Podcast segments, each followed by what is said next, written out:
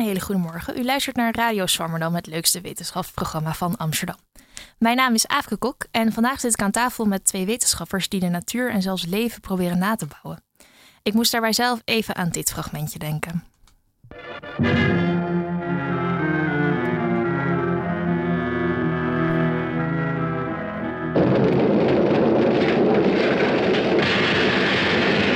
It's alive! It's alive! It's alive! It's alive!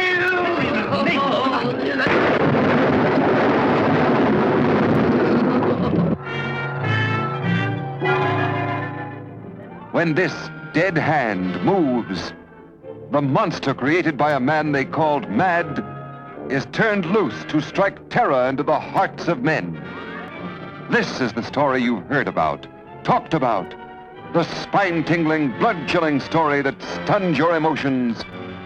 Frankenstein. Ja, we luisterden net naar eh, hoe Frankenstein zijn monster tot leven wekte. Gelukkig gaat er het in het echt natuurlijk eh, niet zo aan toe. De natuur is oneindig complex en een monster als Frankenstein creëren zou ontzettend ingewikkeld zijn. Los van dat dat natuurlijk ook niet het doel is van wetenschappers die de natuur nabouwen. De beroemde natuurkundige Richard Feynman zei ooit: What I cannot create, I do not understand. Ik heb geen idee of hij daarbij ook aan synthetische cellen en zwermenrobotjes dacht, want dat is waar we het vandaag over gaan hebben. Maar het is denk ik wel een mooi motto voor de heren hier aan tafel. Ik zal ze even voorstellen. Jaap Kaandorp is werkzaam aan de UvA als leider van de groep Computationele Biologie. Welkom Jaap. Goedemorgen. En Pieter Rent en Wolde werkt bij AMOF, ook op het Science Park in Amsterdam, als leider van de groep Biochemische Netwerken. Welkom Pieter Rijn. Waarom? Uh, Jaap, herken jij een beetje in die uitspraak van Feynman?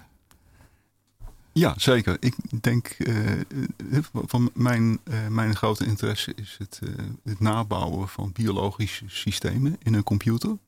En daarvoor, daarvoor, wil je eigenlijk elke stap hè, die in zo'n biologisch proces gebeurt, proberen te vatten in wiskundige regels en helemaal na te bootsen. Dus je, je, probeert het inderdaad zelf na te maken. Dus ik, ik kan het daar heel erg mee eens zijn. Ja, ja stap voor stapje nabouwen leert je ook ja, ja. hoe het echt werkt. Um, ja, Pieter Rijn, uh, voel jij je wel eens een beetje Dr. Frankenstein? Um, nou, nee. Nee, nee. Maar ons, ons voorstel roept wel heel veel van dit soort vragen op. En daar kunnen we natuurlijk uh, later nog wel over hebben, denk ik. Ja, ja. ik uh, ben heel benieuwd. Dan zal ik ook nog even de overige aanwezigen voorstellen. Uh, mijn co-presentator van vandaag is Geertje. Welkom. Goedemorgen. Heb je er zin in? Zeker, heel leuk. Mooi zo. En dan zit ook nog aan tafel onze columniste Annaluna Post, uh, die halverwege de uitzending haar column zal voordragen. Uh, wil je al iets loslaten over je column of blijft het nog even geheim? Nou ja, ik zal helemaal in het thema blijven. Over Frankenstein zal ik uh, ook praten. Ja, dat is een mooi toeval. Um, dan gaan we nu verder met Jaap Kaandorp, computationeel bioloog aan de UvA. Meestal is hij met simulaties in de weer op de computer, zoals hij net ook al even vertelde. Maar onlangs werkte hij mee aan een project waarbij het gelukt is een grote groep robotjes zwermgedrag te laten vertonen. Een tijdje geleden maakten de kunstenaars van Studio Drift ook een zwerm, in dit geval van lichtgevende drones. En laten we even naar een fragmentje daarvan luisteren. We horen dan eerst de muzikale begeleiding bij het kunstwerk en daarna een stukje uit RTL Late Night met de makers van het kunstwerk.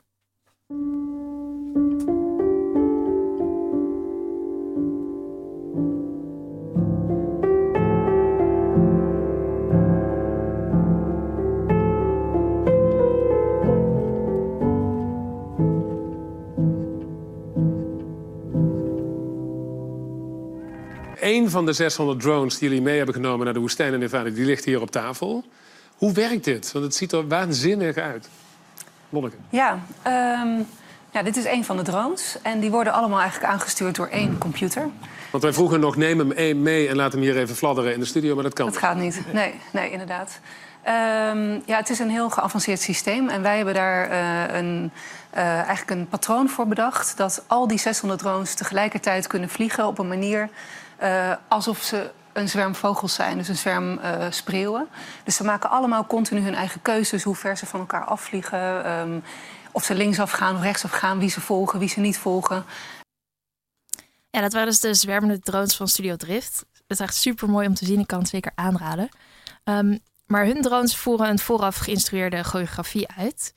Uh, ja, jullie hebben ook een zwerm gemaakt met robotjes. Hoe zag die eruit? Nou, de, de, de manier waarop wij die eh, zwerm hebben, eh, hebben proberen na te bootsen is eh, geïnspireerd door processen uit de biologie. Mijn, mijn grote interesse is embryogenese uit de biologie. Embryogenese is ja, het ontstaan van een Ja, embryo. dus eh. eh, de vorming van een individu uit een bevruchte eicel. Ik denk dat dat nog een van de grote geheimen is die eigenlijk nauwelijks is opgelost hoe dat hele proces werkt. We, we snappen dat eigenlijk nog maar nauwelijks. En wat, wat, eh, waar we op, dit moment heel veel mee bezig zijn, is om te begrijpen van hoe die verschillende cellen, die hebben een genetisch eh, netwerk, wat eh, die, die hele embryogenese aanstuurt. Eh, we weten uit de biologie dat die cellen alleen maar eh, tegen buren praten. Er is niet een soort centrale controle van het hele systeem. En dat bij elkaar, dus lokale communicatie tussen die cellen, bewegende cellen, cellen die aan elkaar kleven. En eh, zo'n zo'n eh, zo'n instructie die in elke cel bestaat, dat genregulatorennetwerk, is voldoende om een embryo te maken. En wat we gedaan hebben, is dat hele proces hebben we vertaald in, eh, in eh, eigenlijk een, eh, een algoritme met wiskundige vergelijkingen. En wat we daarna gedaan hebben, is eh, we hebben een, eh, zwerm geconstrueerd van kleine robotjes, kilowatts. Die zijn eh, ongeveer 2 à 3 centimeter groot. We hebben 300 van die robotjes bij elkaar gezet. Ieder robotje krijgt een soort eh, genregulator netwerk, dat is alles. En ze mogen alleen maar met, eh, met, met de buren praten. Er is dus geen centrale computer. En eh, daarbij was het idee, kunnen we die zwerm dan net als een, in een embryo patronen laten genereren. En wa- wat we gedaan hebben bij die zwerm, we hebben daarbij een, een patroonvormend systeem gebruikt. Wat geïnspireerd is op een Turing-patroon. Een Turing-patroon. eh.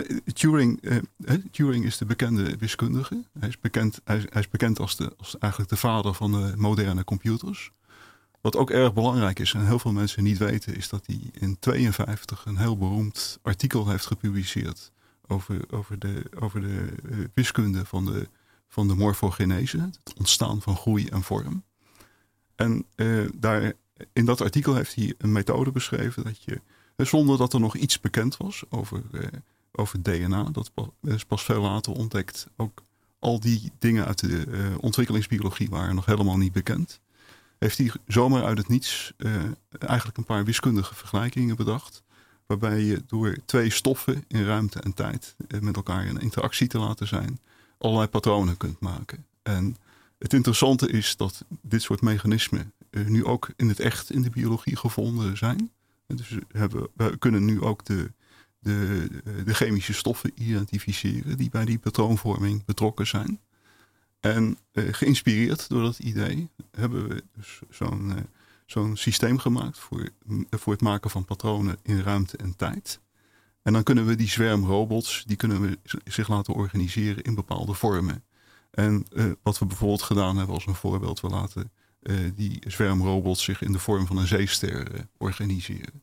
Ja, want zo'n Turing-patroon kan dus echt van alles zijn. Ja, het volgt wel een bepaalde wiskundige vergelijking, maar het kan er als van alles uitzien. Er- kunnen van allerlei patronen uitkomen. Bijvoorbeeld een hele interessante is dat ook eh, recentelijk door een groep wetenschappers uit Spanje, uit Barcelona, is, die hebben een publicatie in Science gehad waarin ze laten zien dat bijvoorbeeld de vorming van onze ledematen, dus eh, eh, de vingers, dat dat ook door een soort Turing-achtig patroon eh, in ruimte en tijd gevormd wordt. En eigenlijk wel gek dat die Turing dat dan bedacht heeft. Ja, het is- het dat is op het zoveel dingen van Het toepassing. is, is, is inderdaad indrukwekkend dat iemand zomaar uit het niets op zo'n idee is gekomen. Ja. En, en hoe programmeer je dat dan in een robot? Eh, nou, je, je, moet je voorstellen dat, dat ieder, eh, eh, van, van ieder, iedere robot heeft eigenlijk zo'n zo'n zo'n regulator netwerkje in zich zitten. Dus in feite die vergelijkingen die dat Turing-patroon bepalen. En door, door dat in de ruimte en de tijd te laten ontwikkelen, stellen die, die individuele robotjes eigenlijk cellen voor in een ontwikkelend embryo die met elkaar praten. En doordat ze allemaal hetzelfde regulatoren netwerk hebben, dus die eh, Turing-vergelijkingen, kunnen ze eh, een, eh, in ruimte en tijd een patroon maken en zich volgens dat patroon gaan organiseren. Het is dus een combinatie van bewegende cellen, of robotjes in dit geval, en dat onderliggende patroon. Hè, dat, er, dat er veroorzaakt dat je, dat je in dit geval de vorm van een zeester krijgt. Ja, want heeft elke cel datzelfde, hetzelfde Ja, netwerk? ja, van, van, als het goed is, heeft elke cel hetzelfde, eh, hetzelfde DNA. Ja. In ernstige gevallen, bijvoorbeeld bij kanker, is dat dus niet zo. Maar bij ge- gezonde cellen eh, is in principe hetzelfde regulatoor netwerk aanwezig. Eh, alleen afhankelijk van het type cel hè, staan bepaalde dingen aan of uit. En, en eh, de cellen die kunnen ook alleen maar tegen, eh, tegen hun eh, buren praten. Er zit niet ergens een of andere centrale controller in ons lichaam. die zorgt dat de cellen op het juiste moment de juiste dingen doen. Het moet dus allemaal helemaal lokaal georganiseerd worden. En dat kan ervoor zorgen dat die cellen zich in allerlei patronen gaan organiseren. Ja, nou communiceren cellen geloof ik met een soort van eh, chemische stofjes of Ja, zo die ze eh, uitwisselen. Eh, hoe communiceert een eh, robot met zijn... eh, Dat, dat zijn, dat, dat, die, die kilowattjes die kunnen met eh, infraroodstraling met elkaar eh, communiceren. en eh, gaat dat altijd goed? Eh, nou, het, het is, het, is, eh, het experiment zelf is een stuk ingewikkelder. Eh, eh, van, eh, eh, bij, mij, bij mij in de groep heeft ook een postdoc eindeloos lang daaraan moeten werken. Om dat helemaal eh, goed voor elkaar te krijgen. Want waar loop je dan eh, tegenaan? Het, zijn- het zijn allerlei technische dingen. Bijvoorbeeld, bijvoorbeeld het, het zijn kleine robotjes. Ze zijn ooit eh, bedacht als een, heel goedkoop type robotje. Hè, dat betekent dat er ook ja, toch wel bezuinigd is op bepaalde componenten. Dus de boodschappen die een robotje naar een naburig robotje kan, kan uitzenden, is heel gelimiteerd. Dus je, kan niet eh, grote hoeveelheden informatie van de ene robot naar de andere toesturen. Dus daar moet je allemaal rekening mee houden met dit soort dingen. En, Ja. en, en, eh, ja, een belangrijk verschil tussen de echte cellen is dat de echte cellen die zijn vervormbaar. Dus als een cel tegen een andere cel aan gaat drukken, dan vervormen ze zich. En ze kunnen ook aan elkaar blijven kleven. En, eh, eh, dit soort mogelijkheden heb je dus niet bij, bij, deze, eh, bij dit type robotje. En Dat is gewoon ja, toch een hard stuk eh, metaal wat niet vervormbaar is. Zou dat nog eh, in de toekomst een, een mogelijkheid zijn? eh, vervormbare robotjes? Dat is een hele aardige vraag. Van, eh, op dit moment hebben we een, een nieuw voorstel ingediend bij de EU. eh, waarin, we, eh, waarin een groep uit eh, Denemarken, die ook aan robotica werkt, die zijn van plan eh, vervormbare robots te maken. Eh, dus van flexibel materiaal. En dat, ja, dat zou dus een hele interessante zijn om dit soort algoritmes voor groei en vorm eh, toe te passen als een hele nieuwe techniek in de robotica. En die gaan ook aan elkaar plakken, die robotjes en zo. Dat, ja, dat, dat, dat zou de bedoeling zijn. Dat is Ja, ja. eh, technisch allemaal heel moeilijk, maar eh, het, het zou moeten kunnen. Leuk, heel Ja, leuk. ja, Ja. Want eh, waarom eh, wil je als cel aan een andere cel vast eh, plakken? Nou, eh, bijvoorbeeld eh, onze, onze huid, hè, van, dat zijn laag cellen. En ja, essentieel is dat die cellen eh, die na- naast elkaar zitten, aan elkaar vastplakken. Als er gaten tussen zouden zitten, dan zouden allerlei bacteriën en Tussendoor andere eh, komen. tussendoor kunnen komen. Ja. Dus Ja. het is essentieel. Van, hè, ja. Aha. En hebben de robotici er ook nog iets aan dat jullie eh, met die robotjes in de weer eh, zijn gegaan? dus het is alleen leuk voor de biologen. Nou, eh, ik, eh, van, van, het, vreemde is dat robots eigenlijk eh, ja, puur vanuit een menselijk idee tot nu toe worden ontw- ontworpen. Dus er is altijd een centrale controller aanwezig eh, om een bepaalde vorm te maken. Terwijl ja, we weten uit de biologie dat allerlei prachtige vormen kunnen ontstaan zonder dat je zo'n centrale controller gebruikt. En alleen puur door lokale communicatie en door zo'n onderliggend genregulator netwerk. En- de biologie laat zien dat dat een heel krachtig mechanisme is om allerlei eh, eh, vormen en patronen in ruimte en tijd eh, te maken. Dus het zou een hele interessante optie zijn om dit gewoon als een hele nieuwe techniek ook toe te passen. Ja, dus voor hen een soort nieuwe manier Ja. om, om robot, Ja, robotjes te maken. Die misschien wel weer heel andere soort robot eh, Ja, en, en, van onze collega's uit de robotica, die, die zijn nog veel verder aan het fantaseren. Die hopen ook dat, dat ze gebruik kunnen maken van eh, evolutionaire processen. Dus dat je een, type robot hebt met een genregulator netwerk die aan een bepaalde omstandigheid is aangepast. Maar eh, door hem te, eh, ook de mogelijkheid te geven dat hij het genregulator netwerk kan evolueren, kan zo'n robot zich weer aan hele andere omstandigheden aanpassen. En dat zou dus een hele interessante optie zijn. Dan zou je dus hele nieuwe eh, objecten krijgen die nog helemaal niet bestaan. Hè, maar die eh, bijvoorbeeld aangepast zijn aan hele nieuwe omstandigheden. Is dat ook een beetje hoe het eh, in de natuur werkt? Dat je je genregulatoire netwerk iets aanpast en dan krijg je opeens een andere vorm? Ja, zeker. Dat, dat- dat, dat is een hele interessante. Dat, dat, dat vakgebied staat bekend als EVO-DEVO. Dat legt eigenlijk de relatie tussen ontwikkelingsbiologie en evolutie. En, en eh, eh, interessante van die EVO-DEVO-gedachte is eh, dat je eigenlijk twee hele fundamentele processen uit de natuur, dus evolutie en ontwikkelingsbiologie, met elkaar gaat koppelen. En, en probeert te begrijpen waarom het ene organisme bijvoorbeeld uit het andere organisme is ontstaan. En dat je dan teruggaat naar de genregulatoren netwerken bijvoorbeeld. En laat zien wat je daarin zou moeten wijzigen. Om, eh, ik noem maar een voorbeeld, om van een zeester naar een zeeegel te gaan. En dit soort voorbeelden zijn in het echt ook beschreven. Hè? Hoe, dat, hoe, dat, hoe je dat, zou Dat, moeten dat doen. begrijpen jullie Ja, al een ja. beetje. Al enigszins, ja. ja. Tot, op tot op zekere hoogte. Ik, eh, ondertussen zijn toch nog veel dingen in die hele ontwikkelingsbiologie nog slecht begrepen. Ja, want ik kan me voorstellen dat zo'n genregulatoire netwerk, dat maak je niet zomaar even na of zo.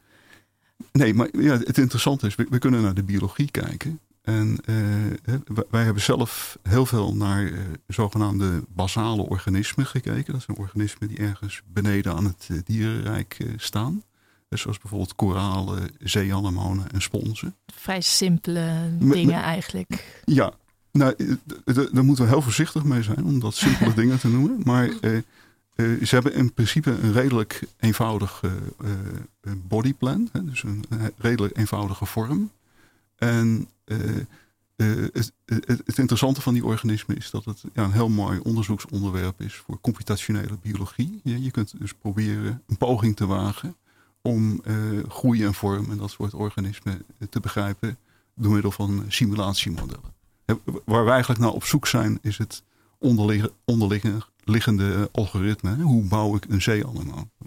Ja, Ja, ik was wel heel benieuwd wat nou het grote voordeel eigenlijk is van, van het dus in zulke robotjes doen boven dat. Want we kunnen natuurlijk ook naar cellen al vrij goed kijken en we kunnen dat eh, redelijk goed monitoren, dacht ik. Dus wat is nou het grote voordeel van het, eh, het in robotjes eh, nabouwen?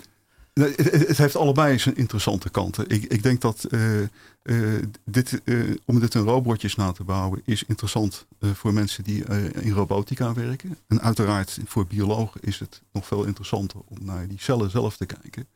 We hebben dus heel veel gewerkt aan die zeeanemonen. Er zitten een paar hele interessante dingen in die zeeanemonen. Bijvoorbeeld, in principe is een zeeanemoon onsterfelijk. Hè? Dus als ik een zeeanemoon voldoende eten geef, ik zorg dat hij niet ziek wordt, blijft hij voor altijd leven. Eh, er zijn eh, nog nooit tumoren gerapporteerd bij zeeanemonen.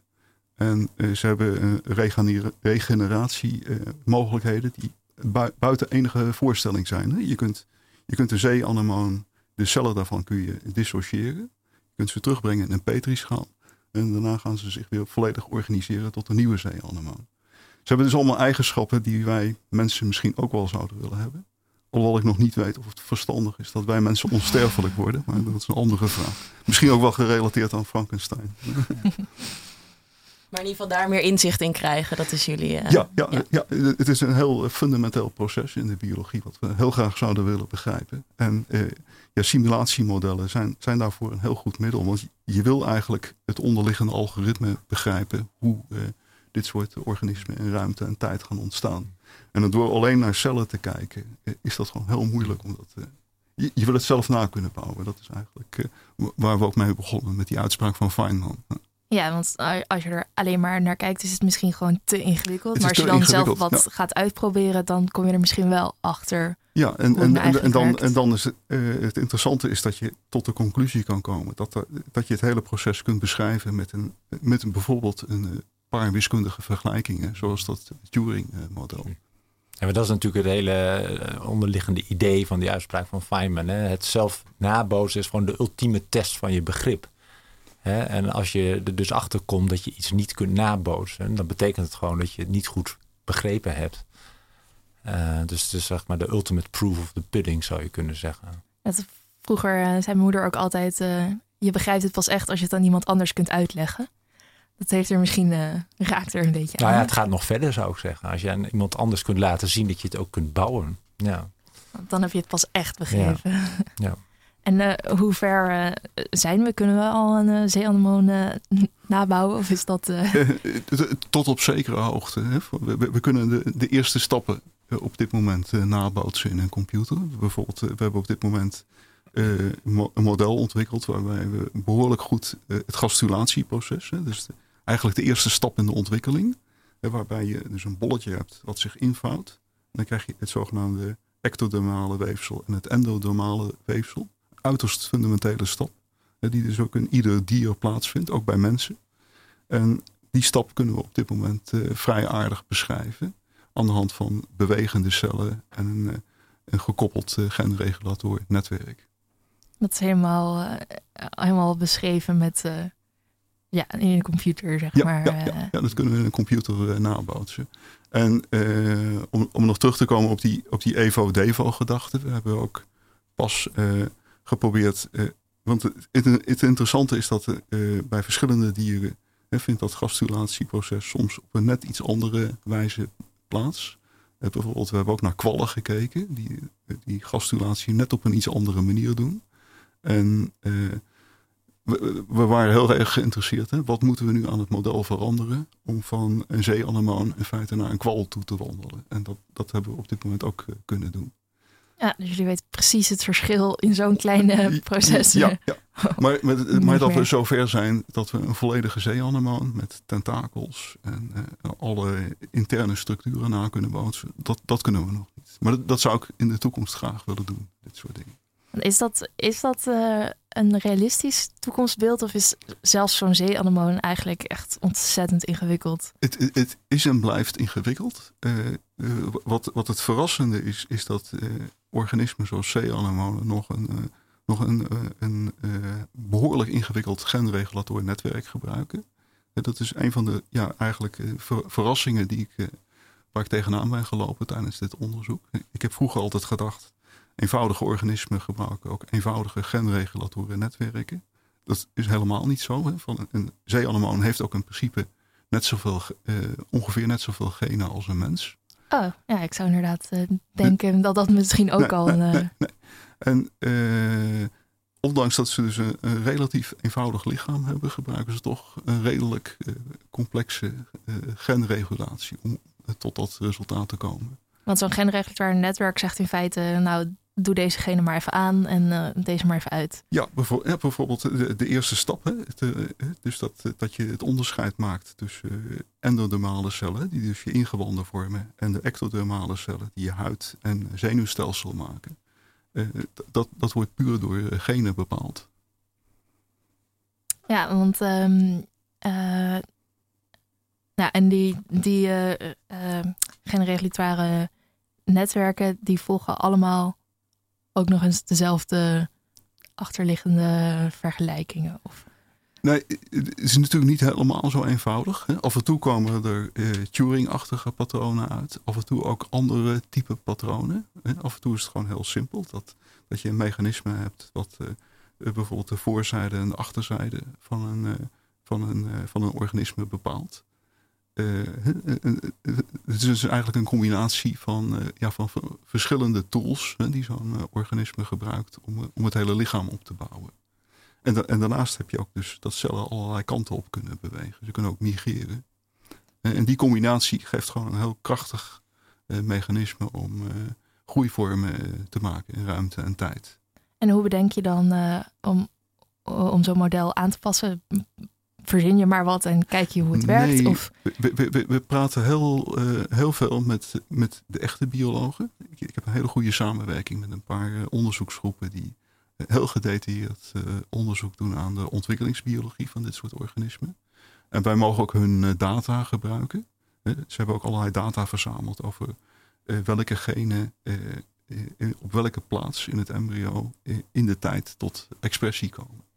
Ja, dus dat is gewoon experimenteel eigenlijk al bewezen en dat stop jij dan in, in je model? Of? Nee, het is, het is vaak niet zo eenvoudig. Hè. We moeten eerst vaak uh, die data uh, analyseren, uh, ook proberen te modelleren, ook op, systematisch in kaart te brengen. En ja, daarna kunnen we het gebruiken om eh, eh, door geïnspireerd door die data nieuwe type modellen te ontwikkelen. En eh, jij hebt dus veel aan die biologen. Eh, hebben zij ook wel eens wat aan jou? Ja, dat denk ik zeker. Van, eh, van het, het, aardige is dat eh, doordat je die modellen maakt, van, breng je eigenlijk de kennis eigenlijk heel systematisch in kaart. En je kunt op een gegeven moment, doordat je dat systematisch doet, kun je ook bijvoorbeeld aanwijzen, op deze plek ontbreekt iets. Hè, van, daar zou je eigenlijk bijvoorbeeld de activiteit van een ander gen verwachten. En ik, ik denk dat je, doordat je systematisch naar die data gaat kijken en ook probeert om daar modellen van te maken, eh, dat, je, dat het een hele goede manier is om eh, ook eh, eh, eh, sommige ontbrekende informatie eh, aan te wijzen.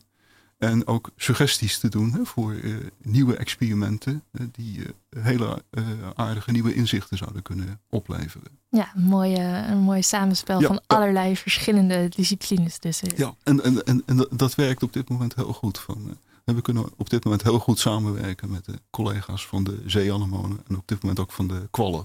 Ja, en dus ook nog de, de robotici. Dus. Ja, en, en de robotici. Ja.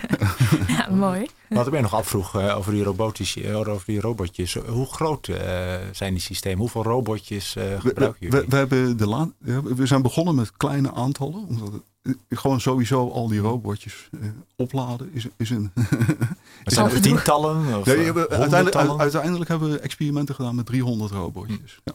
Hè, Maar we, we hebben, eh, in het begin hebben we eh, heel veel experimenten, initiële experimenten gedaan met, met een groepje van 60 eh, robots. En dat was al behoorlijk ingewikkeld.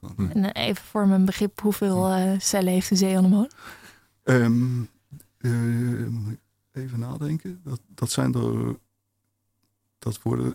En bij een vol- volwassen zeeanemoon loopt het in de miljoenen. Van. Oké. Hè, dus maar dat, bij, bij, bij, bij een embryo moet je denken aan een. Aan een ik, ik zou het getal precies moeten weten, maar ongeveer 4000 eh, cellen. Ja, dus dat komt al wel een beetje Ja, eh, ja. in de buurt. Nou, wat een mooi onderzoek. Eh, we gaan eh, ondertussen even door met eh, de column. Eh, ja, Annaluna, wil je nog een introductie geven of eh, ga je gelijk van start? Ik ga gewoon maar meteen eh, van start, denk ik. Eh, de kunstmatige biologie. Dat is een thema waar, als, waar ik als historicus en geesteswetenschapper op het eerste gezicht niet veel mee heb. Het onderzoeken van de wereld, hoe ze in elkaar steekt, welke wetten haar regeren, dat is iets wat we met de natuurwetenschappen associëren. Nog sterker geldt dat voor de volgende stap in die bestudering: de actieve inmenging, het manipuleren en sturen van de wereld, zodat we daar als mensen profijt uit kunnen halen. Maar toch, ook typische alfa's hebben wel eens iets zinnigs te zeggen over kunstmatige biologie. De afgelopen weken las ik, toevallig, Mary Shelley's Frankenstein, dat uitkwam in 1818. Shelley schreef het werk op 18-jarige leeftijd tijdens een reis door Zwitserland met haar latere echtgenoot Percy Shelley en met Lord Byron. Op reis sloten ze een weddenschap. Wie van de drie zou het beste horrorverhaal kunnen schrijven?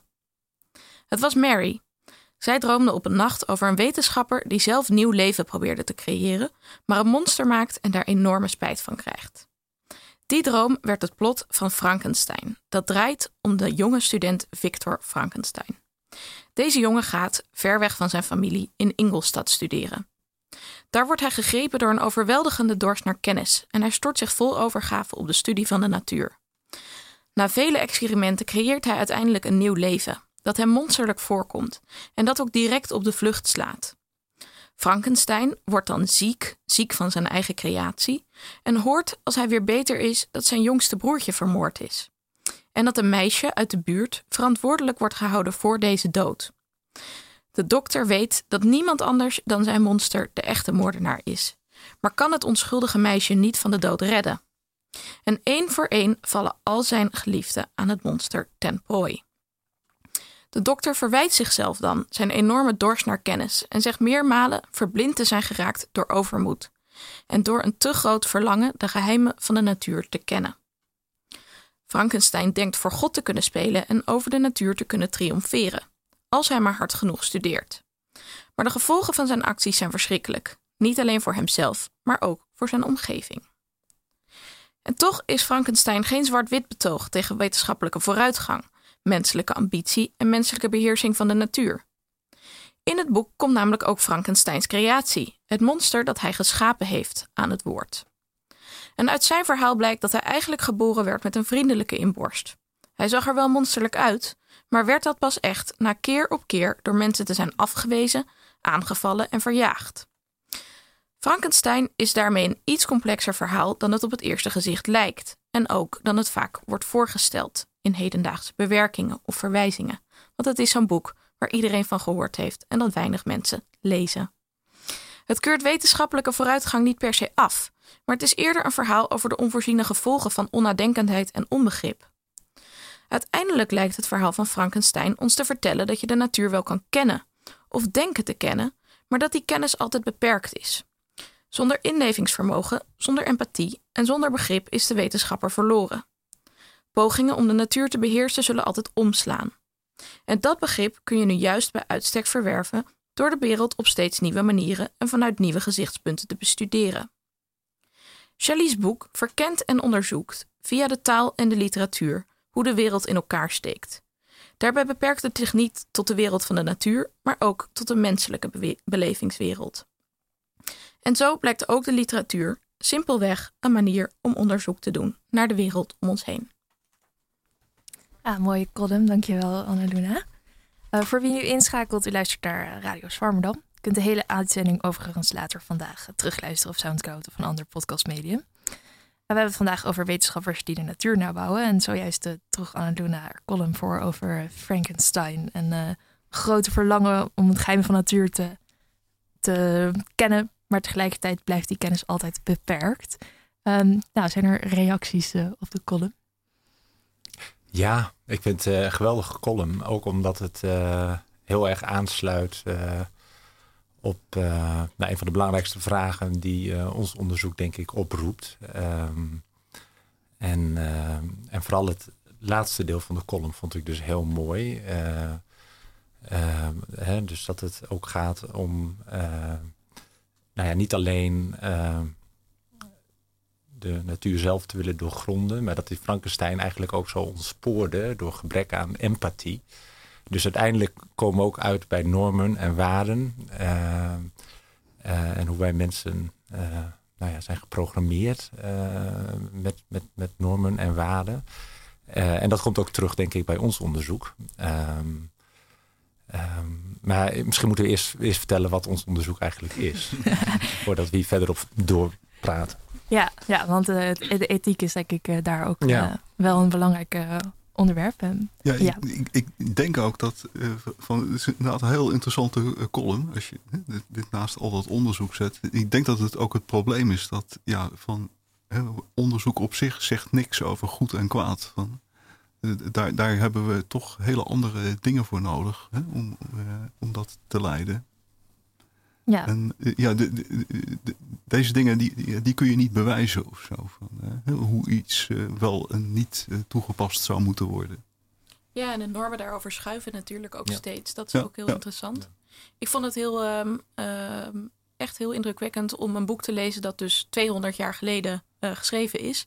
En dat nog zoveel actuele inzichten bevatte. Um, ik, je vroeg aan het begin, vroeg je aan Pieter Rijn, vroeg je um, of die zich wel eens Frankenstein voelde. Um, wat ik heel interessant vond bij het lezen was dat ik me soms wel een beetje Frankenstein voelde. Niet in de drang om uh, iets nieuws te creëren op die manier. Maar wel dat ik die dorst naar kennis herkende. En dat monomane waar je als wetenschapper mee bezig kan zijn. En soms ook moet zijn. Om je een goed wetenschapper te maken. Um, dat was heel interessant. En ook dat de wetenschapper zegt dat hij soms uh, meer uit glorie uh, op, of uit lust naar glorie handelde dan um, uit een besef van wat goed was voor de wereld om hem heen. En ook dat zijn hele spannende dingen waar we nog steeds wel uh, mee te maken hebben in de wetenschap. Ja, zeker. Ja, dat blijft denk ik ook voor altijd uh, mm. een issue. Ja. Um, ja, laten we dan uh, weer verder gaan uh, met mm. Pieter Rijntenwolde. Uh, werkzaam bij AMOF als leider van de groep Biochemische Netwerken. En die groep is ook onderdeel van een groot Nederlands onderzoeksconsortium. BASIC, als ik het goed uitspreek. Um, Building a Synthetic Cell waarbij onderzoekers eh, van verschillende universiteiten en kennisinstituten samen een uh, kunstmatige cel proberen te bouwen. Ja, waarom willen jullie een kunstmatige cel maken? Um, nou, daar komen we toch weer uit op uh, Feynman. het zelf bouwen, echt helemaal bottom-up. dat is de, de ultieme testcase. Dus hier is echt het idee om echt een cel helemaal bottom-up uh, te bouwen. Dus we nemen een, een, een, blaasje, een vesicle, dus dat is een, uh, nou ja, een zakje. En daar stoppen we DNA in. En op die DNA zitten genen. En die genen, als die tot expressie worden gebracht, dan worden eiwitten gevormd. En die eiwitten gaan dan interacties uh, met elkaar aan, zoals Jaap dat ook al beschreef in de context van um, embryogenese. En die interacties zorgen ervoor dat op een gegeven moment die cel voedsel tot zich neemt, dat die gaat groeien, dat hij op een gegeven moment het DNA gaat dupliceren, dat hij daar een extra kopie van gaat maken.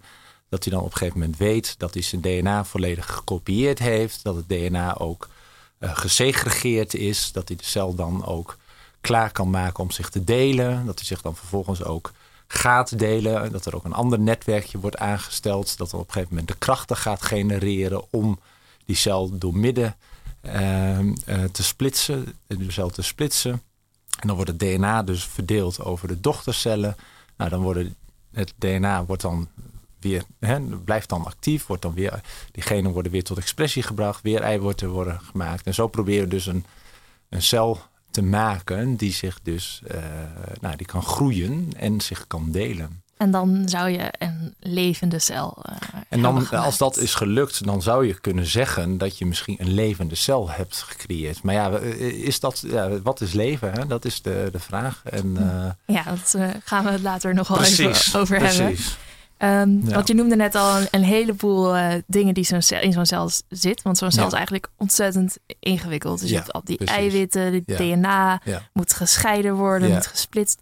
Um, hoe uh, gaan jullie daarbij uh, te werken? Proberen jullie dat allemaal? Of, Nee, dus we hebben dus verschillende teams. En nou, er is een groep, een aantal groepen houden zich bezig met het bouwen van een metabolisme-netwerk. Dus een, een, netwerk van eiwitten uh, dat ervoor zorgt dat de cel nou ja, voedsel tot zich neemt. Uh, dat dat voedsel wordt omgezet in, een, in, in brandstofmoleculen. Dus cellen gebruiken, nou, hebben vaak een beperkt aantal moleculen dat ze echt gebruiken als brandstofmoleculen, ATP, GTP. Dat is zeg maar de, de diesel of de benzine van de levende cel. Uh, met die brandstof kunnen ze uh, nou eiwitten laten groeien, polymeriseren. Uh, kunnen ze informatie verwerken, heb je ook energie voor nodig.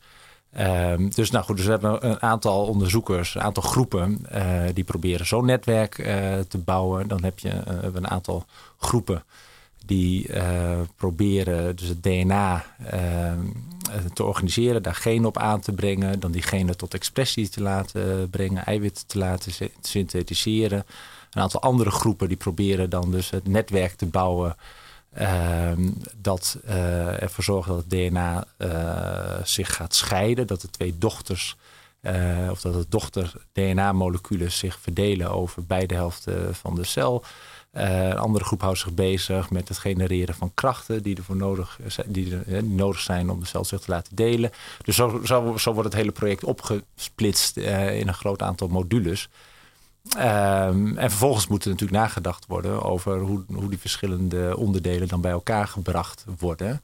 En daar, en, en daar spelen wij dan ook Ja, daar komen jullie om de hoek kijken. Precies. Ja. Want uh, jullie kijken dan naar de koppeling van die. Ja, uh... dus wij, wij moeten echt nadenken over dus de integratie tussen de verschillende modules. Uh, want het is ook een heel interessant uh, ja, rekenkundig probleem, zou je kunnen zeggen. Hè? Dus wanneer weet de cel wanneer die moet beginnen met het dupliceren van het DNA? Wanneer weet hij dat hij het DNA volledig gedupliceerd heeft? Wanneer, hè, hoe weet zo'n cel dat op een gegeven moment dat DNA, die, die verschillende DNA-moleculen zich netjes over de cel verdeeld hebben. En je dus echt kunt beginnen met het, uh, met het delen.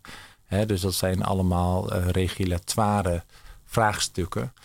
Um, en daar houden we, dat, dat is waar wij naar kijken. En, ja. en hoe kijk je daarna?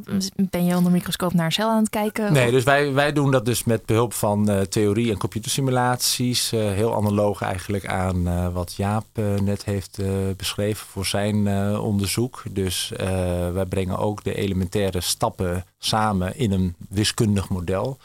en dat simuleren we dan op de computer. Ehm, en dat doen we op een aantal niveaus. Maar het meest eh, duidelijke voorbeeld is misschien dat we dus ook algoritmes hebben ontwikkeld waarbij we dus ehm, echt op het niveau van individuele moleculen zo'n netwerk proberen ehm, te simuleren. Dus dan uh, zijn dus eh, eiwitten die worden dan gemodelleerd als een bolvormig object, als een simpele bol. En dat eiwit dat beweegt dan op een bepaalde manier door middel van de fusie, een soort random walk, een dron dronkenmanswandeling.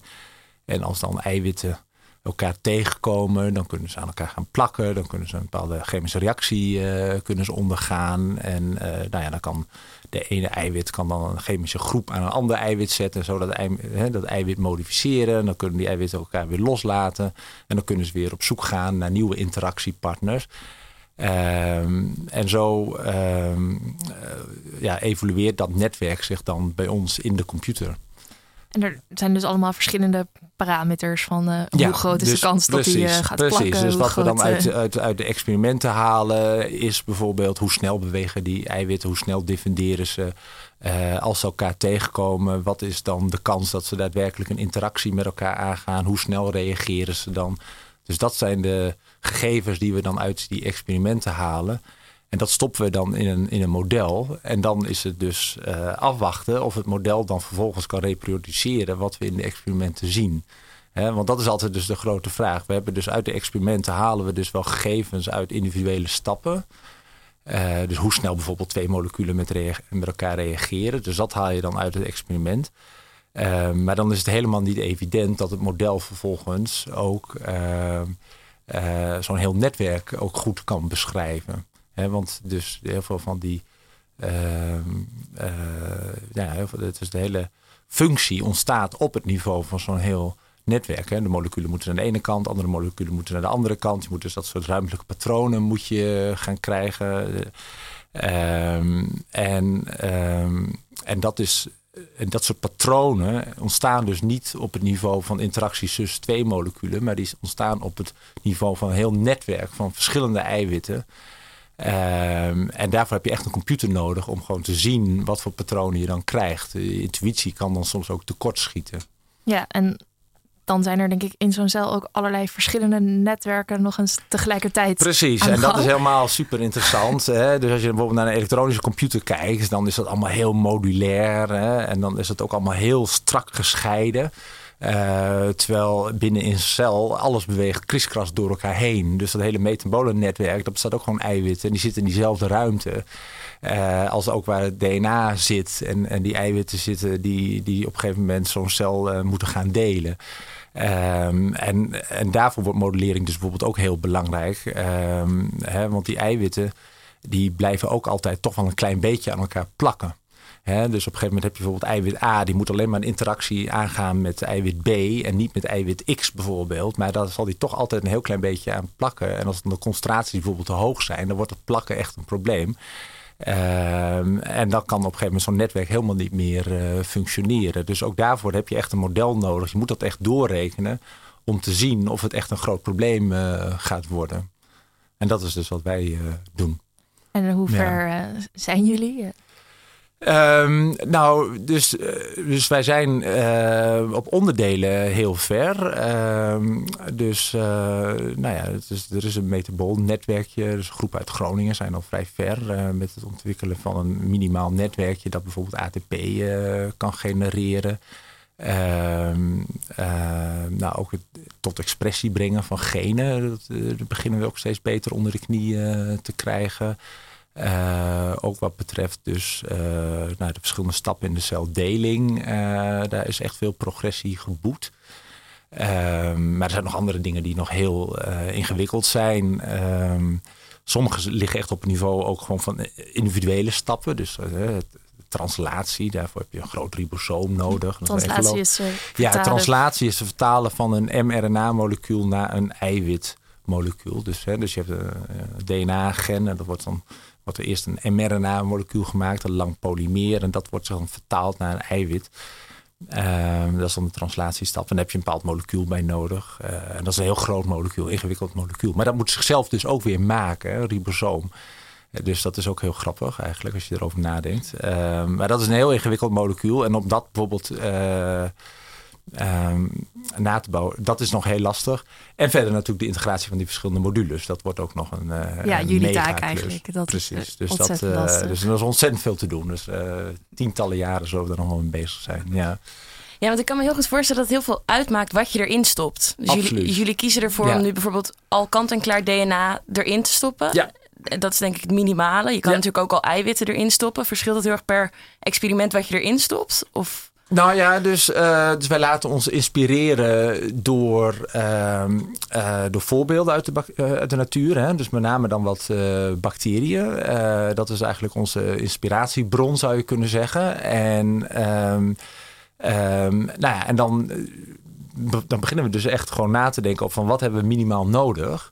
Welke eiwit hebben we minimaal nodig? En als je op een gegeven moment eh, tot de conclusie komt dat je eiwit A nodig hebt, dan betekent dat dat je dus gen A nodig hebt dat codeert voor dat eiwit. En dan moet je dus gen A inbrengen op een DNA-molecuul. Want een DNA-molecuul, dat is dus waar al die genen eh, op zich op bevinden. Ehm, en dus zo, zo, zo, zo, denken we er echt over na. Dus eh, ook bijvoorbeeld zo'n zo'n celdelingsnetwerk. Netwerk. ehm, dan moet je dus op een gegeven moment een netwerk gaan bouwen dat bepaalt wat het midden is van de cel. Dat is ook al een hele leuke vraag. Van hoe weet de cel waar het midden zich eh, bevindt? Ehm, nou, en dan zijn er dus voorbeelden uit, uit de natuur. Dus bijvoorbeeld E. coli, die doet dat dan met drie eiwitten, die dan ook hele mooie spatiotemporele eh, oscillaties vormen. Dus oscillaties in de tijd en in de ruimte. Ehm, nou ja, en zo'n netwerkje kunnen wij dus nu dan nabouwen. En daar hebben we dus dan die eiwitten voor nodig. En dat betekent dat we dus die geen op het DNA moeten doen. Ehm, eh, dus op, op zo'n manier proberen wij dus echt bottom-up eh, zo'n heel, zo'n hele cel eh, te programmeren.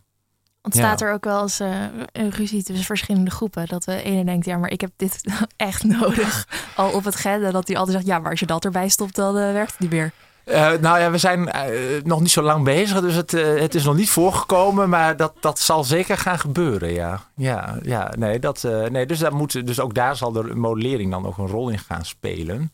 Om te bepalen wat echt nodig is en wat, wat dus gewoon niet kan ook bijvoorbeeld. Hè? Dus welke processen elkaar uitsluiten. Ja, precies. Ik kan me voorstellen dat dat ja.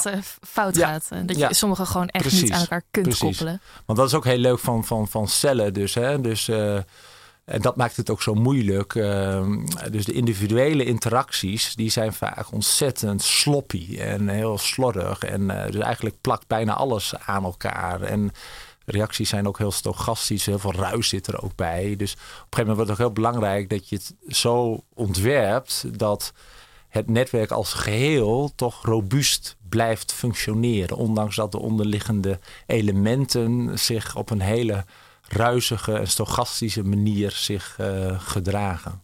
Ja.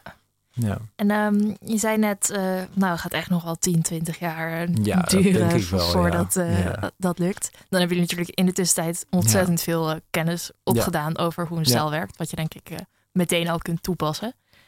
Mocht die cel nou uiteindelijk komen, hebben we er dan nog iets aan het eindproduct? Ehm, nou ja, dus eh, eh, eh, zeker. Nou, ten eerste natuurlijk een, een beter begrip, hè, want je leert heel veel. En dat is misschien wel het allerbelangrijkste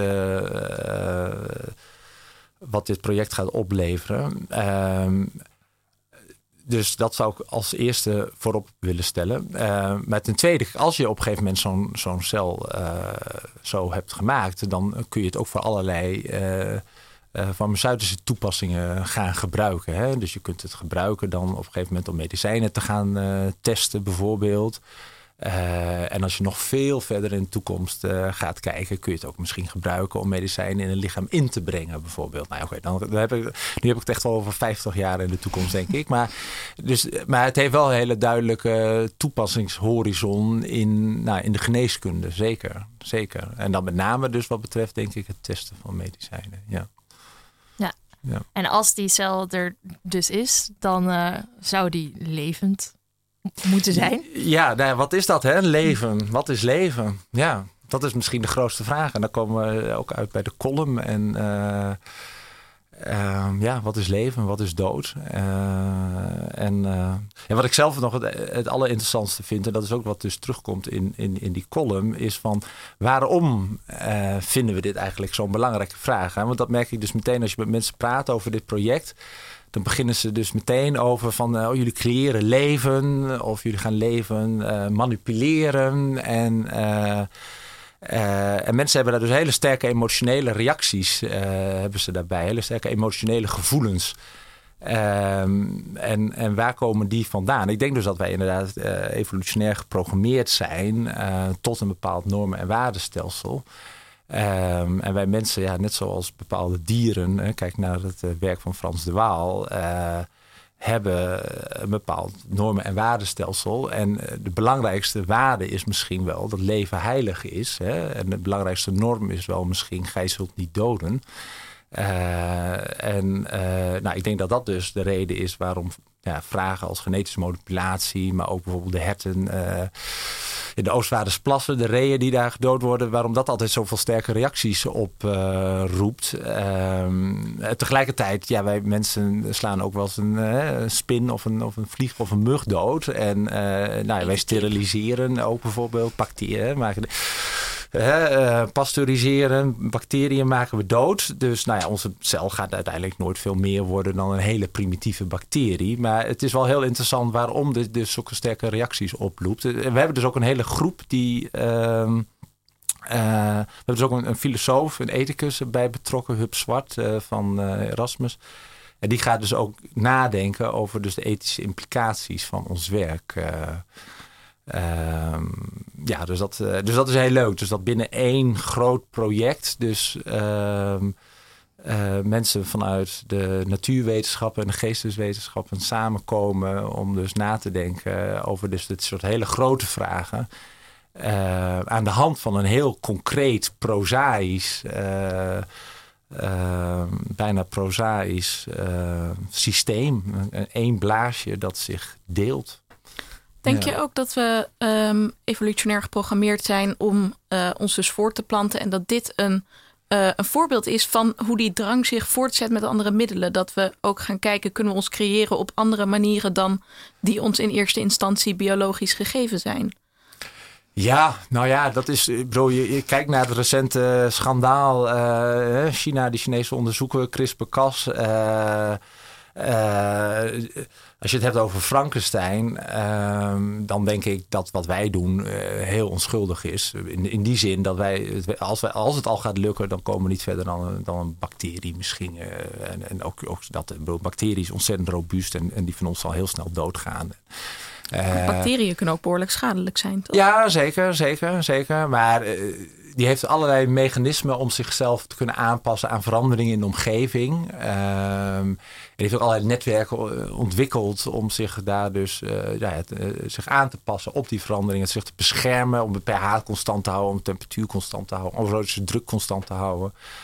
En tegelijkertijd om bijvoorbeeld voedsel te vinden en op die manier zich aan te passen aan veranderingen in de omgeving. Nou, onze cel die heeft dat helemaal niet ingeprogrammeerd. Dus die zal uh, die, zal, die zal nooit overleven in het, in, in, het, in het, echte, in het wild, in het echte leven.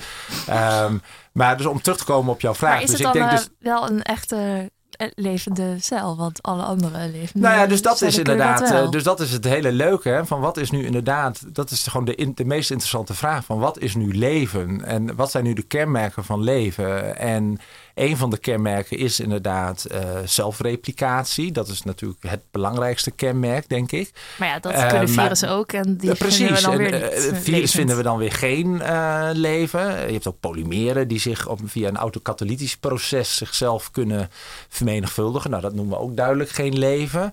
Eh, een bacterie, dat wordt meestal wel eh, beschouwd weer als leven. Ehm, ehm, maar virus dus inderdaad, zoals jij zegt, dan weer niet. Tegelijkertijd zijn het allebei, ehm, eh, heb je allebei zijn het DNA-moleculen.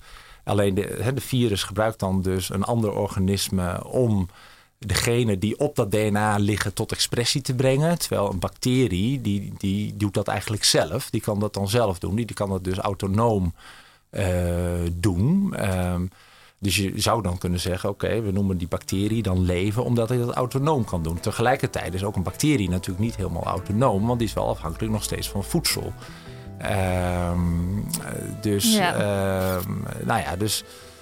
Ja, maar Lastig. dus het vermogen om, dus, ja, om de omgeving te gebruiken, om dus voedsel uit de omgeving te halen. Ehm, het vermogen om zich ook aan te passen aan veranderingen aan de omgeving. En dan om dat te gebruiken om dus nakomelingen te creëren. Ja, dan kom je al heel dicht bij leven, denk ik.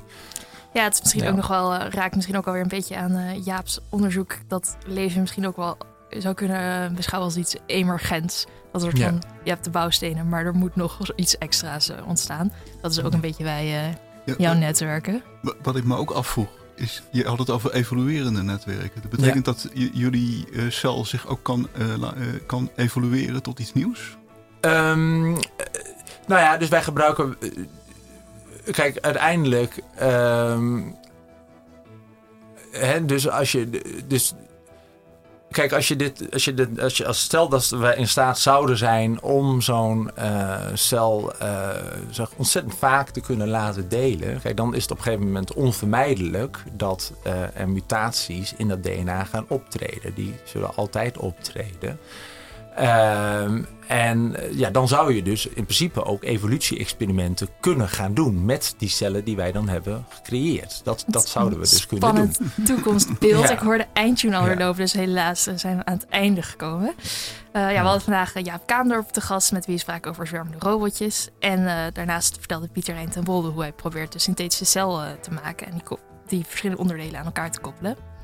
Nou, voorlopig lukt het de wetenschap dus nog niet om een zelforganisme echt helemaal na te maken. Maar deze initiatieven zorgen wel voor een veel beter fundamenteel begrip van biologie. Nou, dank beiden heel veel voor jullie komst. En ik wil ook graag Annaluna Posten bedanken voor de column vandaag. En mijn co-presentator Geertje.